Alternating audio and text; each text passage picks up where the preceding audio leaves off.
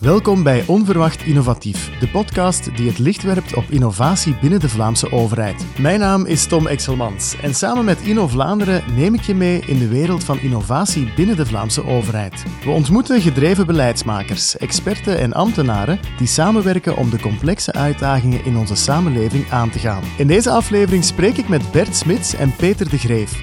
Innovatie en overheid. Werkt dat überhaupt? Maar moet dat dan gloednieuw zijn en ongekend? Uh, dat hoeft het daarom niet te zijn. Het zit in de combinatie van misschien soms oude dingen op een nieuwe manier, dat er ook heel vaak nieuwe uh, dingen ontstaan, nieuwe praktijken ontstaan. Bert en Peter vertellen waarom en hoe een overheid en innovatie hand in hand kunnen gaan. Welke barrières zijn er onderweg? En wat voor impact heeft zo'n innoverende overheid op hen als consultant? Je komt het te weten in deze aflevering van Onverwacht Innovatief. Dus ga zitten en bereid je voor op een inspirerend verhaal van innovatie en transformatie binnen de Vlaamse overheid. Welkom Bert en Peter, twee mensen, durf ik wel zeggen, als ik jullie curriculums bekijk, met een passie voor samenwerken en innovatie. Uh, Bert, ik begin bij jou. Jij staat met een voet in een hele hoop verschillende projecten.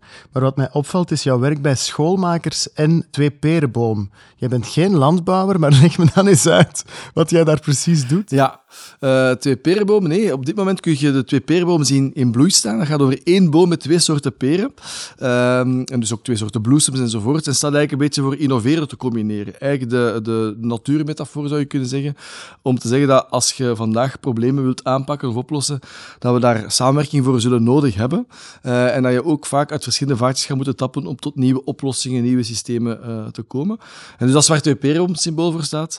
en daarnaast ben ik inderdaad ook in schoolmakers actief dat eigenlijk probeert als een soort van spil in het onderwijslandschap ook verbinding te leggen tussen allerlei actoren om daar innovatie vooruit te stuwen. Dus samenwerking, verbinding, coalities bouwen is wel een van de rode draden in mijn, uh, in mijn werk. Peter, jij bent gangmaker bij Contuti. Wat is daar jouw rode draad? Uh, Contuti staat in uh, de muziekwereld, bij de partituur, allen samen. Oké. En dat staat dan ook voor alle klanken die er zijn in, in de ruimte samenbrengen tot één geheel. Altijd een spannend moment. Um, en vaak ook als er één klank ontbreekt, hoor je dat ook. Onze rol is dus ook wel die verschillende perspectieven in de samenwerking te gaan verbinden en op die manier tot een geheel komen, zowel naar kijk op vraagstuk, kijk in de toekomst, kijk hoe dat we ons organiseren. Ik vraag het me meteen af, van waar komen jullie passies of jullie enthousiasme voor verbinden, mensen samen doen werken? Dat is een goede vraag. Uh, ik denk al van heel jongs af aan, zal ik maar zeggen. Uh, misschien ook wel vanuit het idee dat je alleen niet ver komt. Dus ik heb zelf vaak goede ideeën, al heel mijn leven denk ik. Dat is een van mijn talenten, ideeënvorming. Maar ja, als je ideeën hebt, heb je ook uh, uitvoeringscapaciteit nodig, of je mensen nodig die meewerken. En dus ik heb eigenlijk altijd al kunnen ervaren dat als je samen kan werken, talenten kan combineren, dat je dan eigenlijk veel verder geraakt, veel mooiere dingen kunt uh, gaan doen. En ik denk dat dat nu ook mooi samenspoort, natuurlijk met heel veel uitdagingen vandaag in onze samenleving, waar dat je van voelt, ja, alleen gaat het niet lukken. Hè. Er is een, een grote complexiteit. Uh, en als je die complexiteit doet begrijpen, aan moet kunnen, ja, dan, dan zult je echt wel verschillende perspectieven moeten, moeten samenbrengen. En ook die uitvoeringscapaciteit samenbrengen. Ja. Um, net omdat um, als je echt wilt deuren gaan openen en extra mogelijkheden ontwikkelen, dan zien wij net dat we in, heel wat complexe uitdagingen, dat er heel veel versnippering is, zowel qua ideeën als qua middelen, um, maar dat het vaak ook niet simpel is om die middelen in één pot samen te brengen. Veel handiger is dikwijls om die middelen te gaan stroomlijnen op elkaar in een gedeelde richting en een gezamenlijke richting. En dan, dan wordt uw uitvoeringscapaciteit veel groter, krijgt je veel meer synergie. Ik hoor jullie zeggen, de uitdagingen van vandaag, zijn dat er meer dan vroeger? Goh, ik geloof wel in cyclische bewegingen, zou je kunnen zeggen. Ik denk dat er altijd momenten zijn waarop dat er een samenleving stabiel is, zou je kunnen zeggen. Dat de, de, structuren, de manier van werken enzovoort, dat dat stabiel is. En dat er dan altijd weer periodes van instabiliteit uh, komen. Hè, en dat er ook verandering bezig is. En als je zo uh, met een zekere recul kijkt naar de geschiedenis en naar waar we vandaag staan, zou je kunnen zeggen dat we op dit moment weer in zo'n periode zijn waar dat er ongelooflijk veel systemen onder druk staan. Hè. Onze democratie, uh, ons onderwijs, Er is een versnelling in de samenleving bezig als het gaat over technologie, economie uh, enzovoort. En dat maakt dat eigenlijk hoe we ons te organiseren hebben, dat dat eigenlijk niet meer aangepast is aan de uitdagingen waar we vandaag voor staan. Andere formules zijn de innoverende formules? Moet het innoverend zijn? Als er een probleem is en de dingen lopen vast, liefst wel. Maar moet dat dan gloednieuw zijn en ongekend? Uh, dat hoeft het daarom niet te zijn. Het zit in de combinatie van misschien soms oude dingen op een nieuwe manier, dat er ook heel vaak nieuwe uh, dingen ontstaan, praktijken ontstaan. De versnippering, verkokering maakt wel dat het uh, heel moeilijk is om dat uh, onmiddellijk uh, conceptueel te, uit te klaren. En dat het belangrijk wordt om dat met partners samen te kijken van wie kan welk stuk opnemen, hoe past dat in elkaar, lukt wel, lukt niet. En op die manier die, die innovatie echt aldoende te gaan ontwikkelen. Um, en in die zin staan we in deze periode voor meer uitdagingen dan vroeger um, zou kunnen. Maar ik denk dat het belangrijker is van die uitdagingen te goed aan te pakken. Ja, en dat maakt dat vandaag organisaties, uh, bedrijven, maar ook over de, over de grenzen van politiek uh, enzovoorts heen uh, met elkaar moeten gaan samenwerken. Maar dan is de vraag, kun je dat als organisatie? Zet je erop gericht? Hè? En dan heb je natuurlijk concurrentieprincipes die dat vaak uh, in de weg staan. Hè? en dus de idee dat je eigenlijk als mens, maar ook als organisatie fit for partnering zet, van in het vermogen om te kunnen samenwerken, is daarin heel belangrijk. maar dat vraagt wel een andere mindset, dat vraagt ook andere competenties. En dat vraagt ook dat er tijd en ruimte komt om eh, dat gedeeld, dat perspectief te kunnen ontwikkelen. En paradoxaal genoeg zie je dat je nu vandaag moet strijden voor tijd en ruimte om te kunnen stilstaan, nadenken en richting kiezen. En, dus, en in dat spanningsveld, zou je kunnen zeggen, zitten we wel constant uh, met elkaar te werken. En voelt je ook, en dat is misschien niet onbelangrijk, dat uh, het oude denken hè, en hetgeen wat niet werkt, dat we nog meer gaan doen van wat niet werkt. Bijna als poging om het onder controle te hebben. Dus het wordt bijna een beetje belachelijk soms, uh, de, de, proporties. Ik zie dat ook trouwens bij de Vlaamse overheid, om nu maar iets te zeggen. Hè. Dus de, de controledrang die enorm is doorgeschoten binnen de Vlaamse overheid. Denk maar aan uh, de versterkte toezicht rond ook subsidies bijvoorbeeld enzovoort. Dat zijn allemaal instrumenten die gekomen zijn vanuit een soort van paniekreactie op misschien hier en daar dingen die fout zijn gelopen, maar die als effect hebben dat eigenlijk het samenwerken veel moeilijker wordt, terwijl we juist meer nood hebben aan samenwerking en meer nood hebben aan vertrouwen. Dus je krijgt eigenlijk soms het omgekeerde van hetgeen dat we nodig hebben. En dat is wel voor mij een bewijs dat we aan de vooravond staan van verandering.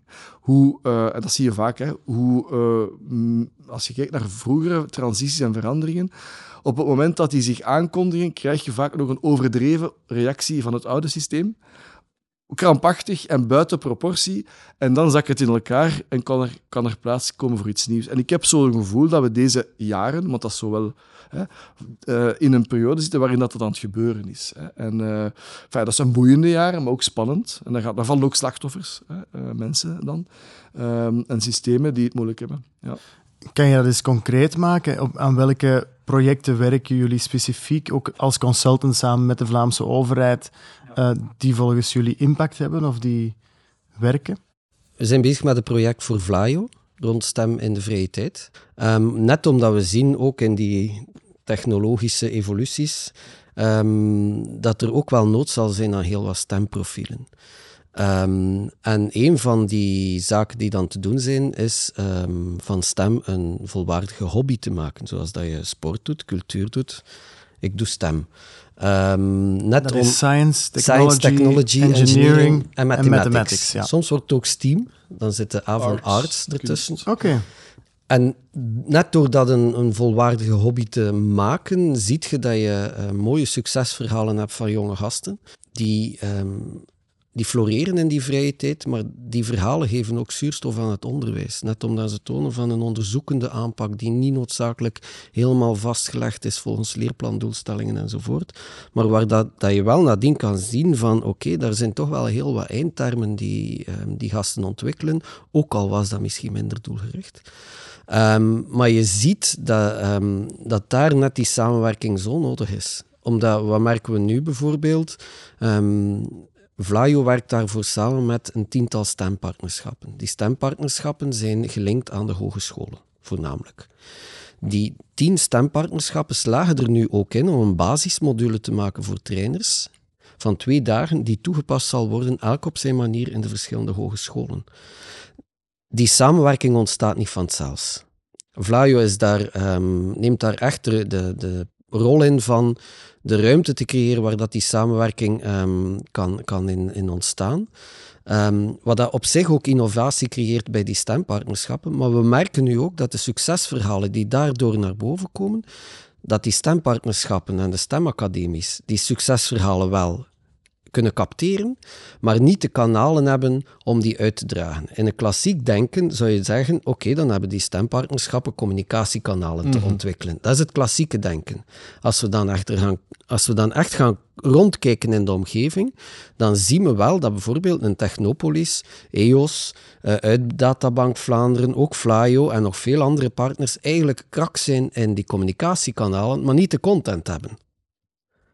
Dus in plaats van de stempartnerschappen verder te ontwikkelen, extra middelen in te zetten en die efficiënter te gaan zetten, werken we nu samen aan die complementariteit. Dus gaan we kijken van hoe gaan we die content capteren en hoe gaan we die uitdragen? En over welke content hebben we het dan concreet? Dat gaat dan over heel concrete succesverhalen. Ehm, van iemand die iets, een, een, een heel toffe activiteit gedaan heeft in een stemacademie, of een bedrijf die zegt, wij hebben samengewerkt met een stemacademie, en dat heeft ertoe geleid dat ons werknemers eigenlijk ook wel dat plezier ondervonden hebben van aan die gastjes die opleiding te geven. Of dat gaat over iemand die schoolmoe was en dan via stem um, eigenlijk terug goesting gekregen heeft en goesting heeft kunnen tonen om te kunnen leren.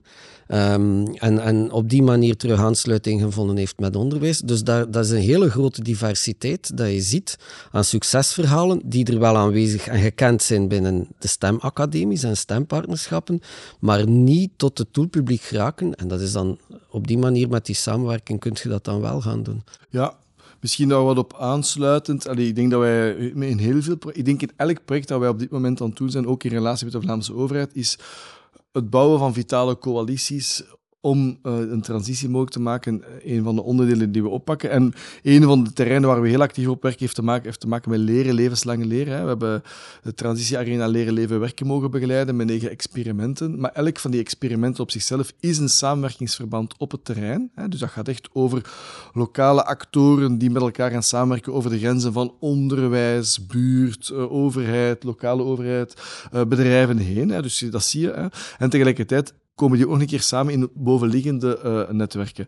En dus zo zijn we bezig, niet alleen met die transitieruimte, maar we hebben ook uh, onder andere het programma rond leerecosystemen mogen pionieren, zal ik maar zeggen. Dus zowel in Limburg als in de Westhoek op dit moment. Maar de bedoeling is dat dat ook verder opgeschaald gaat worden. En wat typisch is aan onze manier van werken, is dat we een connectie maken tussen uh, hoe je op het terrein um, samenwerking kan gaan opzetten. Vanuit het idee dat je niet uh, one-offs of zo doet, maar dat je echt denkt van oké, we moeten hier samen duurzaam aan de slag gaan. Lerend, want als een van de hefbomen in elk samenwerkingsverband is dat je samen leert, dat je een lerend systeem bouwt, een lerend netwerk bouwt, maar niet iets maar iets dat voor, voor een langere termijn met elkaar aan de slag kan gaan. En dus zijn we nu op dit moment een aantal van die leer-ecosystemen aan het bouwen Um, om eigenlijk bijvoorbeeld rond talent te werken in, in Genk bijvoorbeeld, waar heel wat jongeren helemaal niet aan een diploma geraken. Hoe kun je ze daar rond uh, laten samenbrengen? Uh, dat is één. En twee, ook te gaan kijken van wat we daaruit leren.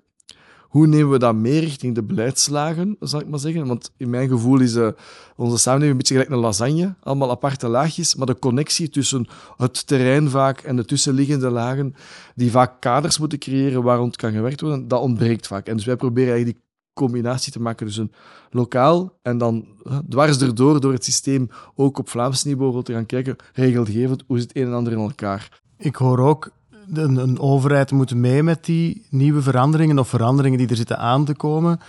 Er is nu sprake van het ontwikkelen van een civil entrepreneur. Een ambtenaar moet een civil entrepreneur worden. Wat vinden jullie daarvan? Het toont, uh, ook de voorbeelden die we geven, tonen aan dat samenwerking broodnodig is op vele terreinen. En um, die civil entrepreneur is voor mij ook wel een belangrijke rol om als overheid die samenwerking mogelijk te maken. En ook daar zelf in te staan. We hebben er net gezegd ook, elke organisatie ontwikkelt zijn missie, visie, plannen, doelstellingen.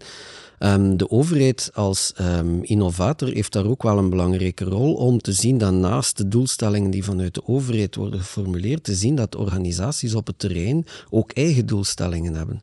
En te zien hoe kunnen we die doelstellingen gaan verbinden in win-win-wins enzovoort. Um, wat betekent dat voor de organisaties, als eh, de overheidsorganisaties? Dat betekent voor overheidsorganisaties dat zij zich ook daarop te ontwikkelen hebben. We hebben een, um, Bert heeft het net ook aangehaald, een hele geschiedenis gehad, een hele periode gehad, sorry, waarom dat er gewerkt wordt op uh, nieuw public management. Um, en we hebben dat uh, um, corrigeren ook naar die samenwerking. Omdat in, net in dat nieuw public management wordt er heel sterk gedrukt op die doelstellingen halen enzovoort. Um, in de samenwerking is het soms ook nodig om dat een stukje los te laten. Maar dat maakt ook dat je profielen in je organisatie krijgt die die samenwerking kunnen gang maken. Die op die tussenruimte, in die tussenruimte kunnen gaan manoeuvreren van de eigen organisatie en de agenda's van de andere organisaties. Dat vraagt ook dat, je, um, dat we samen um, het, het kunnen gang maken van samenwerking als stiel ontwikkelen. Um, dat, we daar, uh, dat we dat ook herkennen en erkennen als een ambacht. Um, een ambacht waarbij dat je ook wel um, bepaalde expertise hebt die telkens terugkomt, vragen die iedere keer terugkomen. Hoe gaan wij die verschillende ambities verbinden in een gezamenlijk toekomstbeeld? Hoe gaan wij ons ecosysteem goed in beeld brengen? Hoe gaan wij een traject uitzetten? We hebben een grote bijeenkomst. Hoe gaan we dat organiseren? Zulke vragen, of dat dan nu in gezondheid is, of in politie, of in voedselstrategie, of in wonen, of in mobiliteit, of uh, ga zo maar onderwijs, ga zo maar door. Het zijn altijd die vragen die terugkeren in hoe, hoe organiseren we dit om die ambitie die we samen hebben echt wel te kunnen realiseren en de doorbraken die we willen realiseren en die broodnodig zijn, die effectief in de werkelijkheid te kunnen krijgen.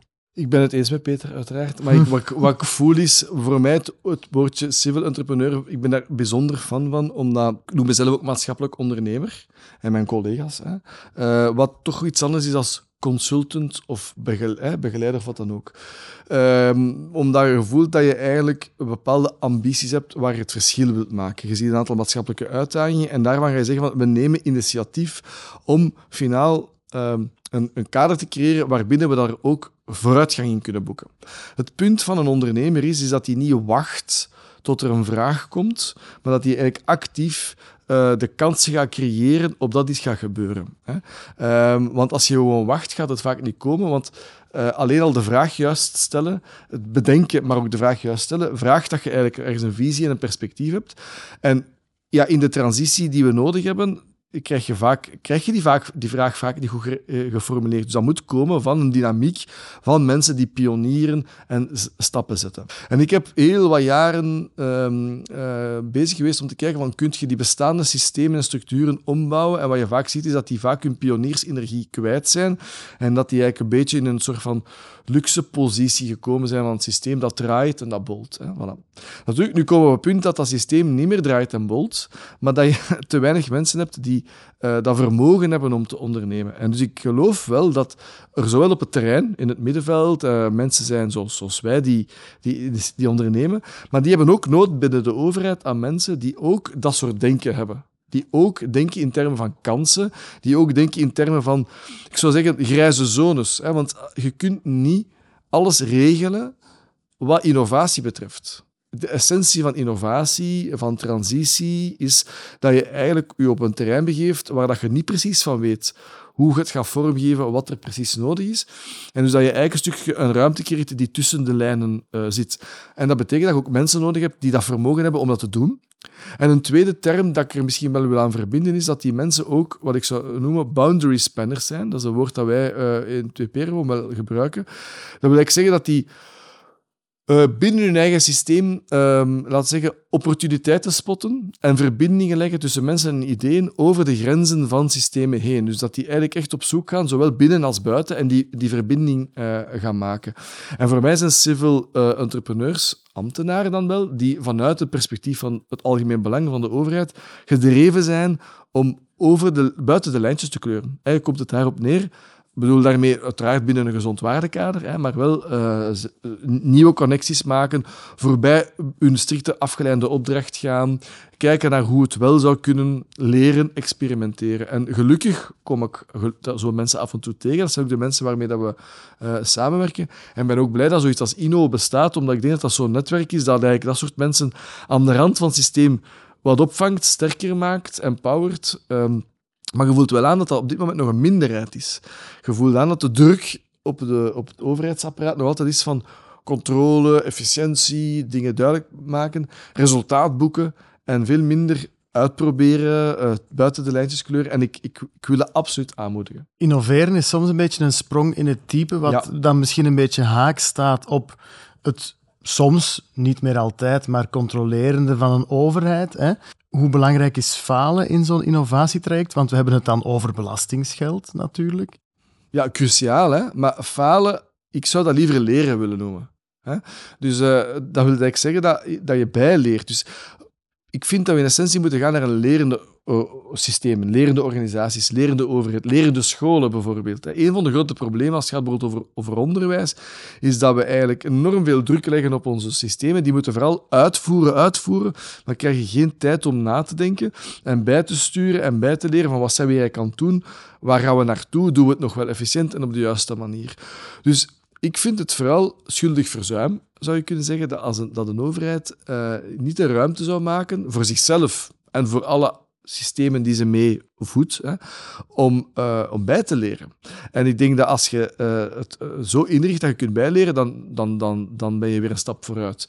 En dus um, ik zie te vaak te veel systemen die te lang blijven bestaan, omdat ze zogezegd resultaten opleveren, maar die geen resultaten opleveren, om, omdat niemand verder kijkt dan de, op de middellange of lange termijn. En dus ik denk dat we dat meer nodig hebben. Dus ik zou, ik zou spreken niet over falen, maar over leren. En ook over feedback die je daardoor krijgt. Um, omdat wat dat je daardoor doet, is... Um, en ik denk dat dat een belangrijke verschuiving is die we, die, die we samen te maken hebben. Um, veel eer de aandacht vestigen op het juist samen formuleren van het vraagstuk dat voor ligt. En van daaruit op onderzoek te gaan en dingen uit te werken, te doen ook. En te kijken wat werkt, wat werkt niet. En uh, wat dat wij merken in de praktijk is dat daardoor het vraagstuk constant ook geherformuleerd wordt. Um, een van de belangrijkste um, dingen die we ook geleerd hebben in, in scholen is vraagstukken oplossen. Um, dat was beperkt enkel tot wiskunde, maar um, het, het, is wel een, een, techniek die u zeer veel vooruit kan helpen en ook ervoor kan zorgen dat de mensen, um, ambtenaren die echt wel uitgedaagd worden om in die tussenruimte, in die buitenruimte, in die publieke ruimte te gaan werken, um, net ook die ruggensteun te kunnen geven, om dan in plaats van te zeggen van kijk, dit is wat we willen afwenken, nee, nee, we willen dit vraagstuk oplossen. Dat is een andere houding. Um, een andere mindset. Een andere mindset om, om er naartoe te gaan. En dat kan ervoor zorgen dat mensen die, uh, die, die in die publieke ruimte te te werken hebben, net ook die rugsteun kunnen krijgen intern, um, ook mandaat kunnen krijgen uh, intern, maar ook uh, mensen rond zich kunnen verzamelen die de complexiteit waarin ze werken kunnen duiden.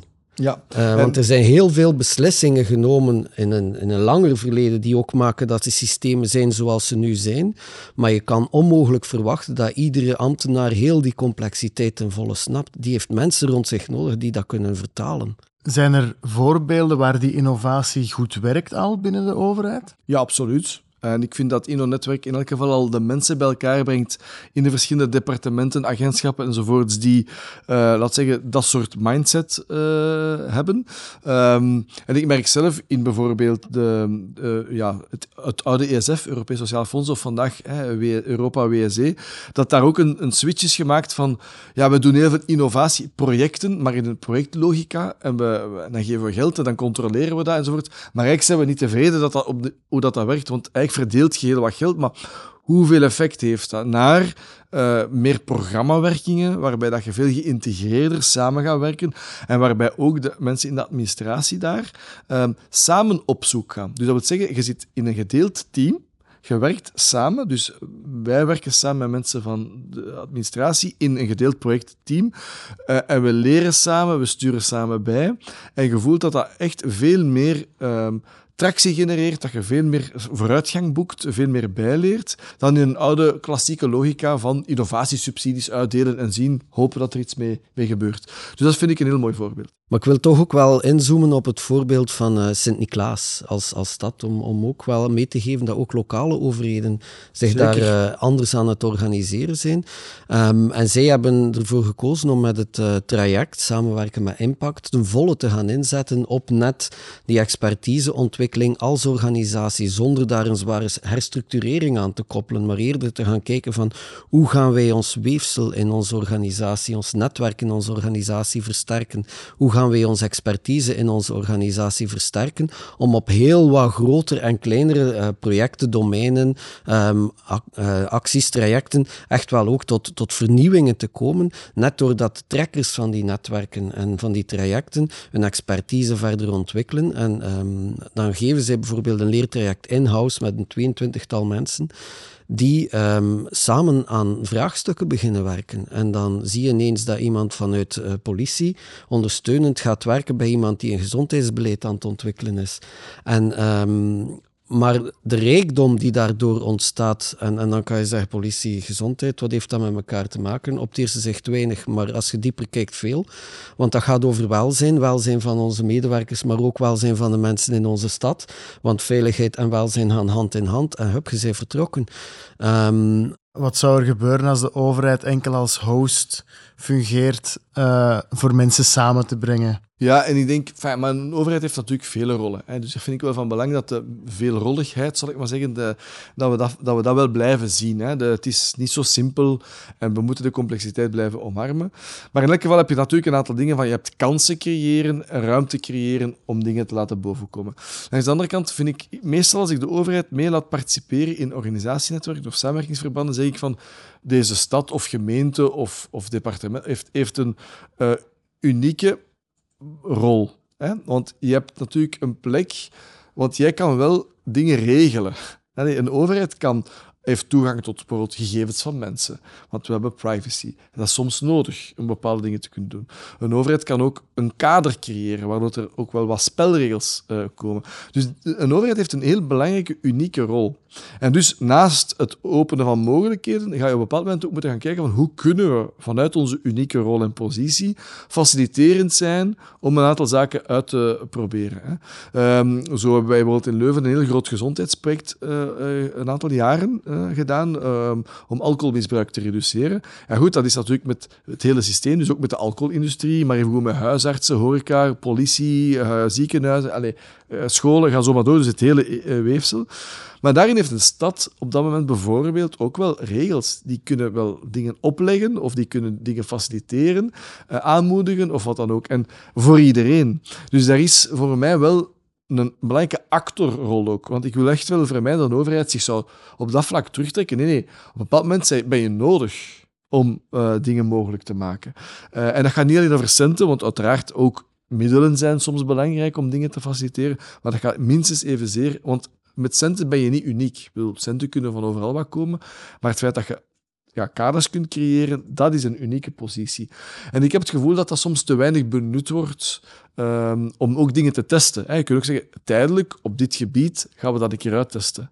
En ik ben blij met sandbox-achtige dingen en zo. Er zijn wel wat ruimtes, maar ik vind dat ze toch nog te beperkt zijn. Ik voel aan jullie en aan alles wat jullie zeggen, innovatie is nodig. We, staan voor veel uitdagingen en veranderingen, maar we zijn toch wel een beetje goed bezig in de juiste richting. Ja, het Die pauze duurde heel lang, Bert. ik, vind, uh, ik, vind het, ik vind dat er plekken en plaatsen zijn waar we goed bezig zijn. En tegelijkertijd zijn er ook plekken en plaatsen waar het ongelooflijk fout aan het lopen is op dit moment. Maar ik kan wel zien dat dat hoort bij de veranderingen waar we voor staan. Dus met een beetje afstand denk ik dat we aan de vooravond staan van een soort van dijkbreuk van innovatie. Uh, maar dat nu toch nog even lastig is soms. Ik zie toch ook meer en meer ruimtes waar dat iedereen dacht dat het onmogelijk was, totdat er iemand binnenkwam dat het niet wist. En ik zie meer en meer mensen binnenkomen die dat niet wisten. Dus dat is goed nieuws. Samen voor meer innovatie. Bedankt Bert Smits en Peter de Grijf voor dit inspirerende gesprek. Graag gedaan. Met plezier. Dit was Onverwacht Innovatief. Bedankt om te luisteren. Heeft deze aflevering je geprikkeld of ben je zelf geïnspireerd om te innoveren? Beluister dan zeker ook onze andere afleveringen. Je vindt ze op vlaanderen.be slash innovatienetwerk-overheid of via jouw favoriete podcast-app.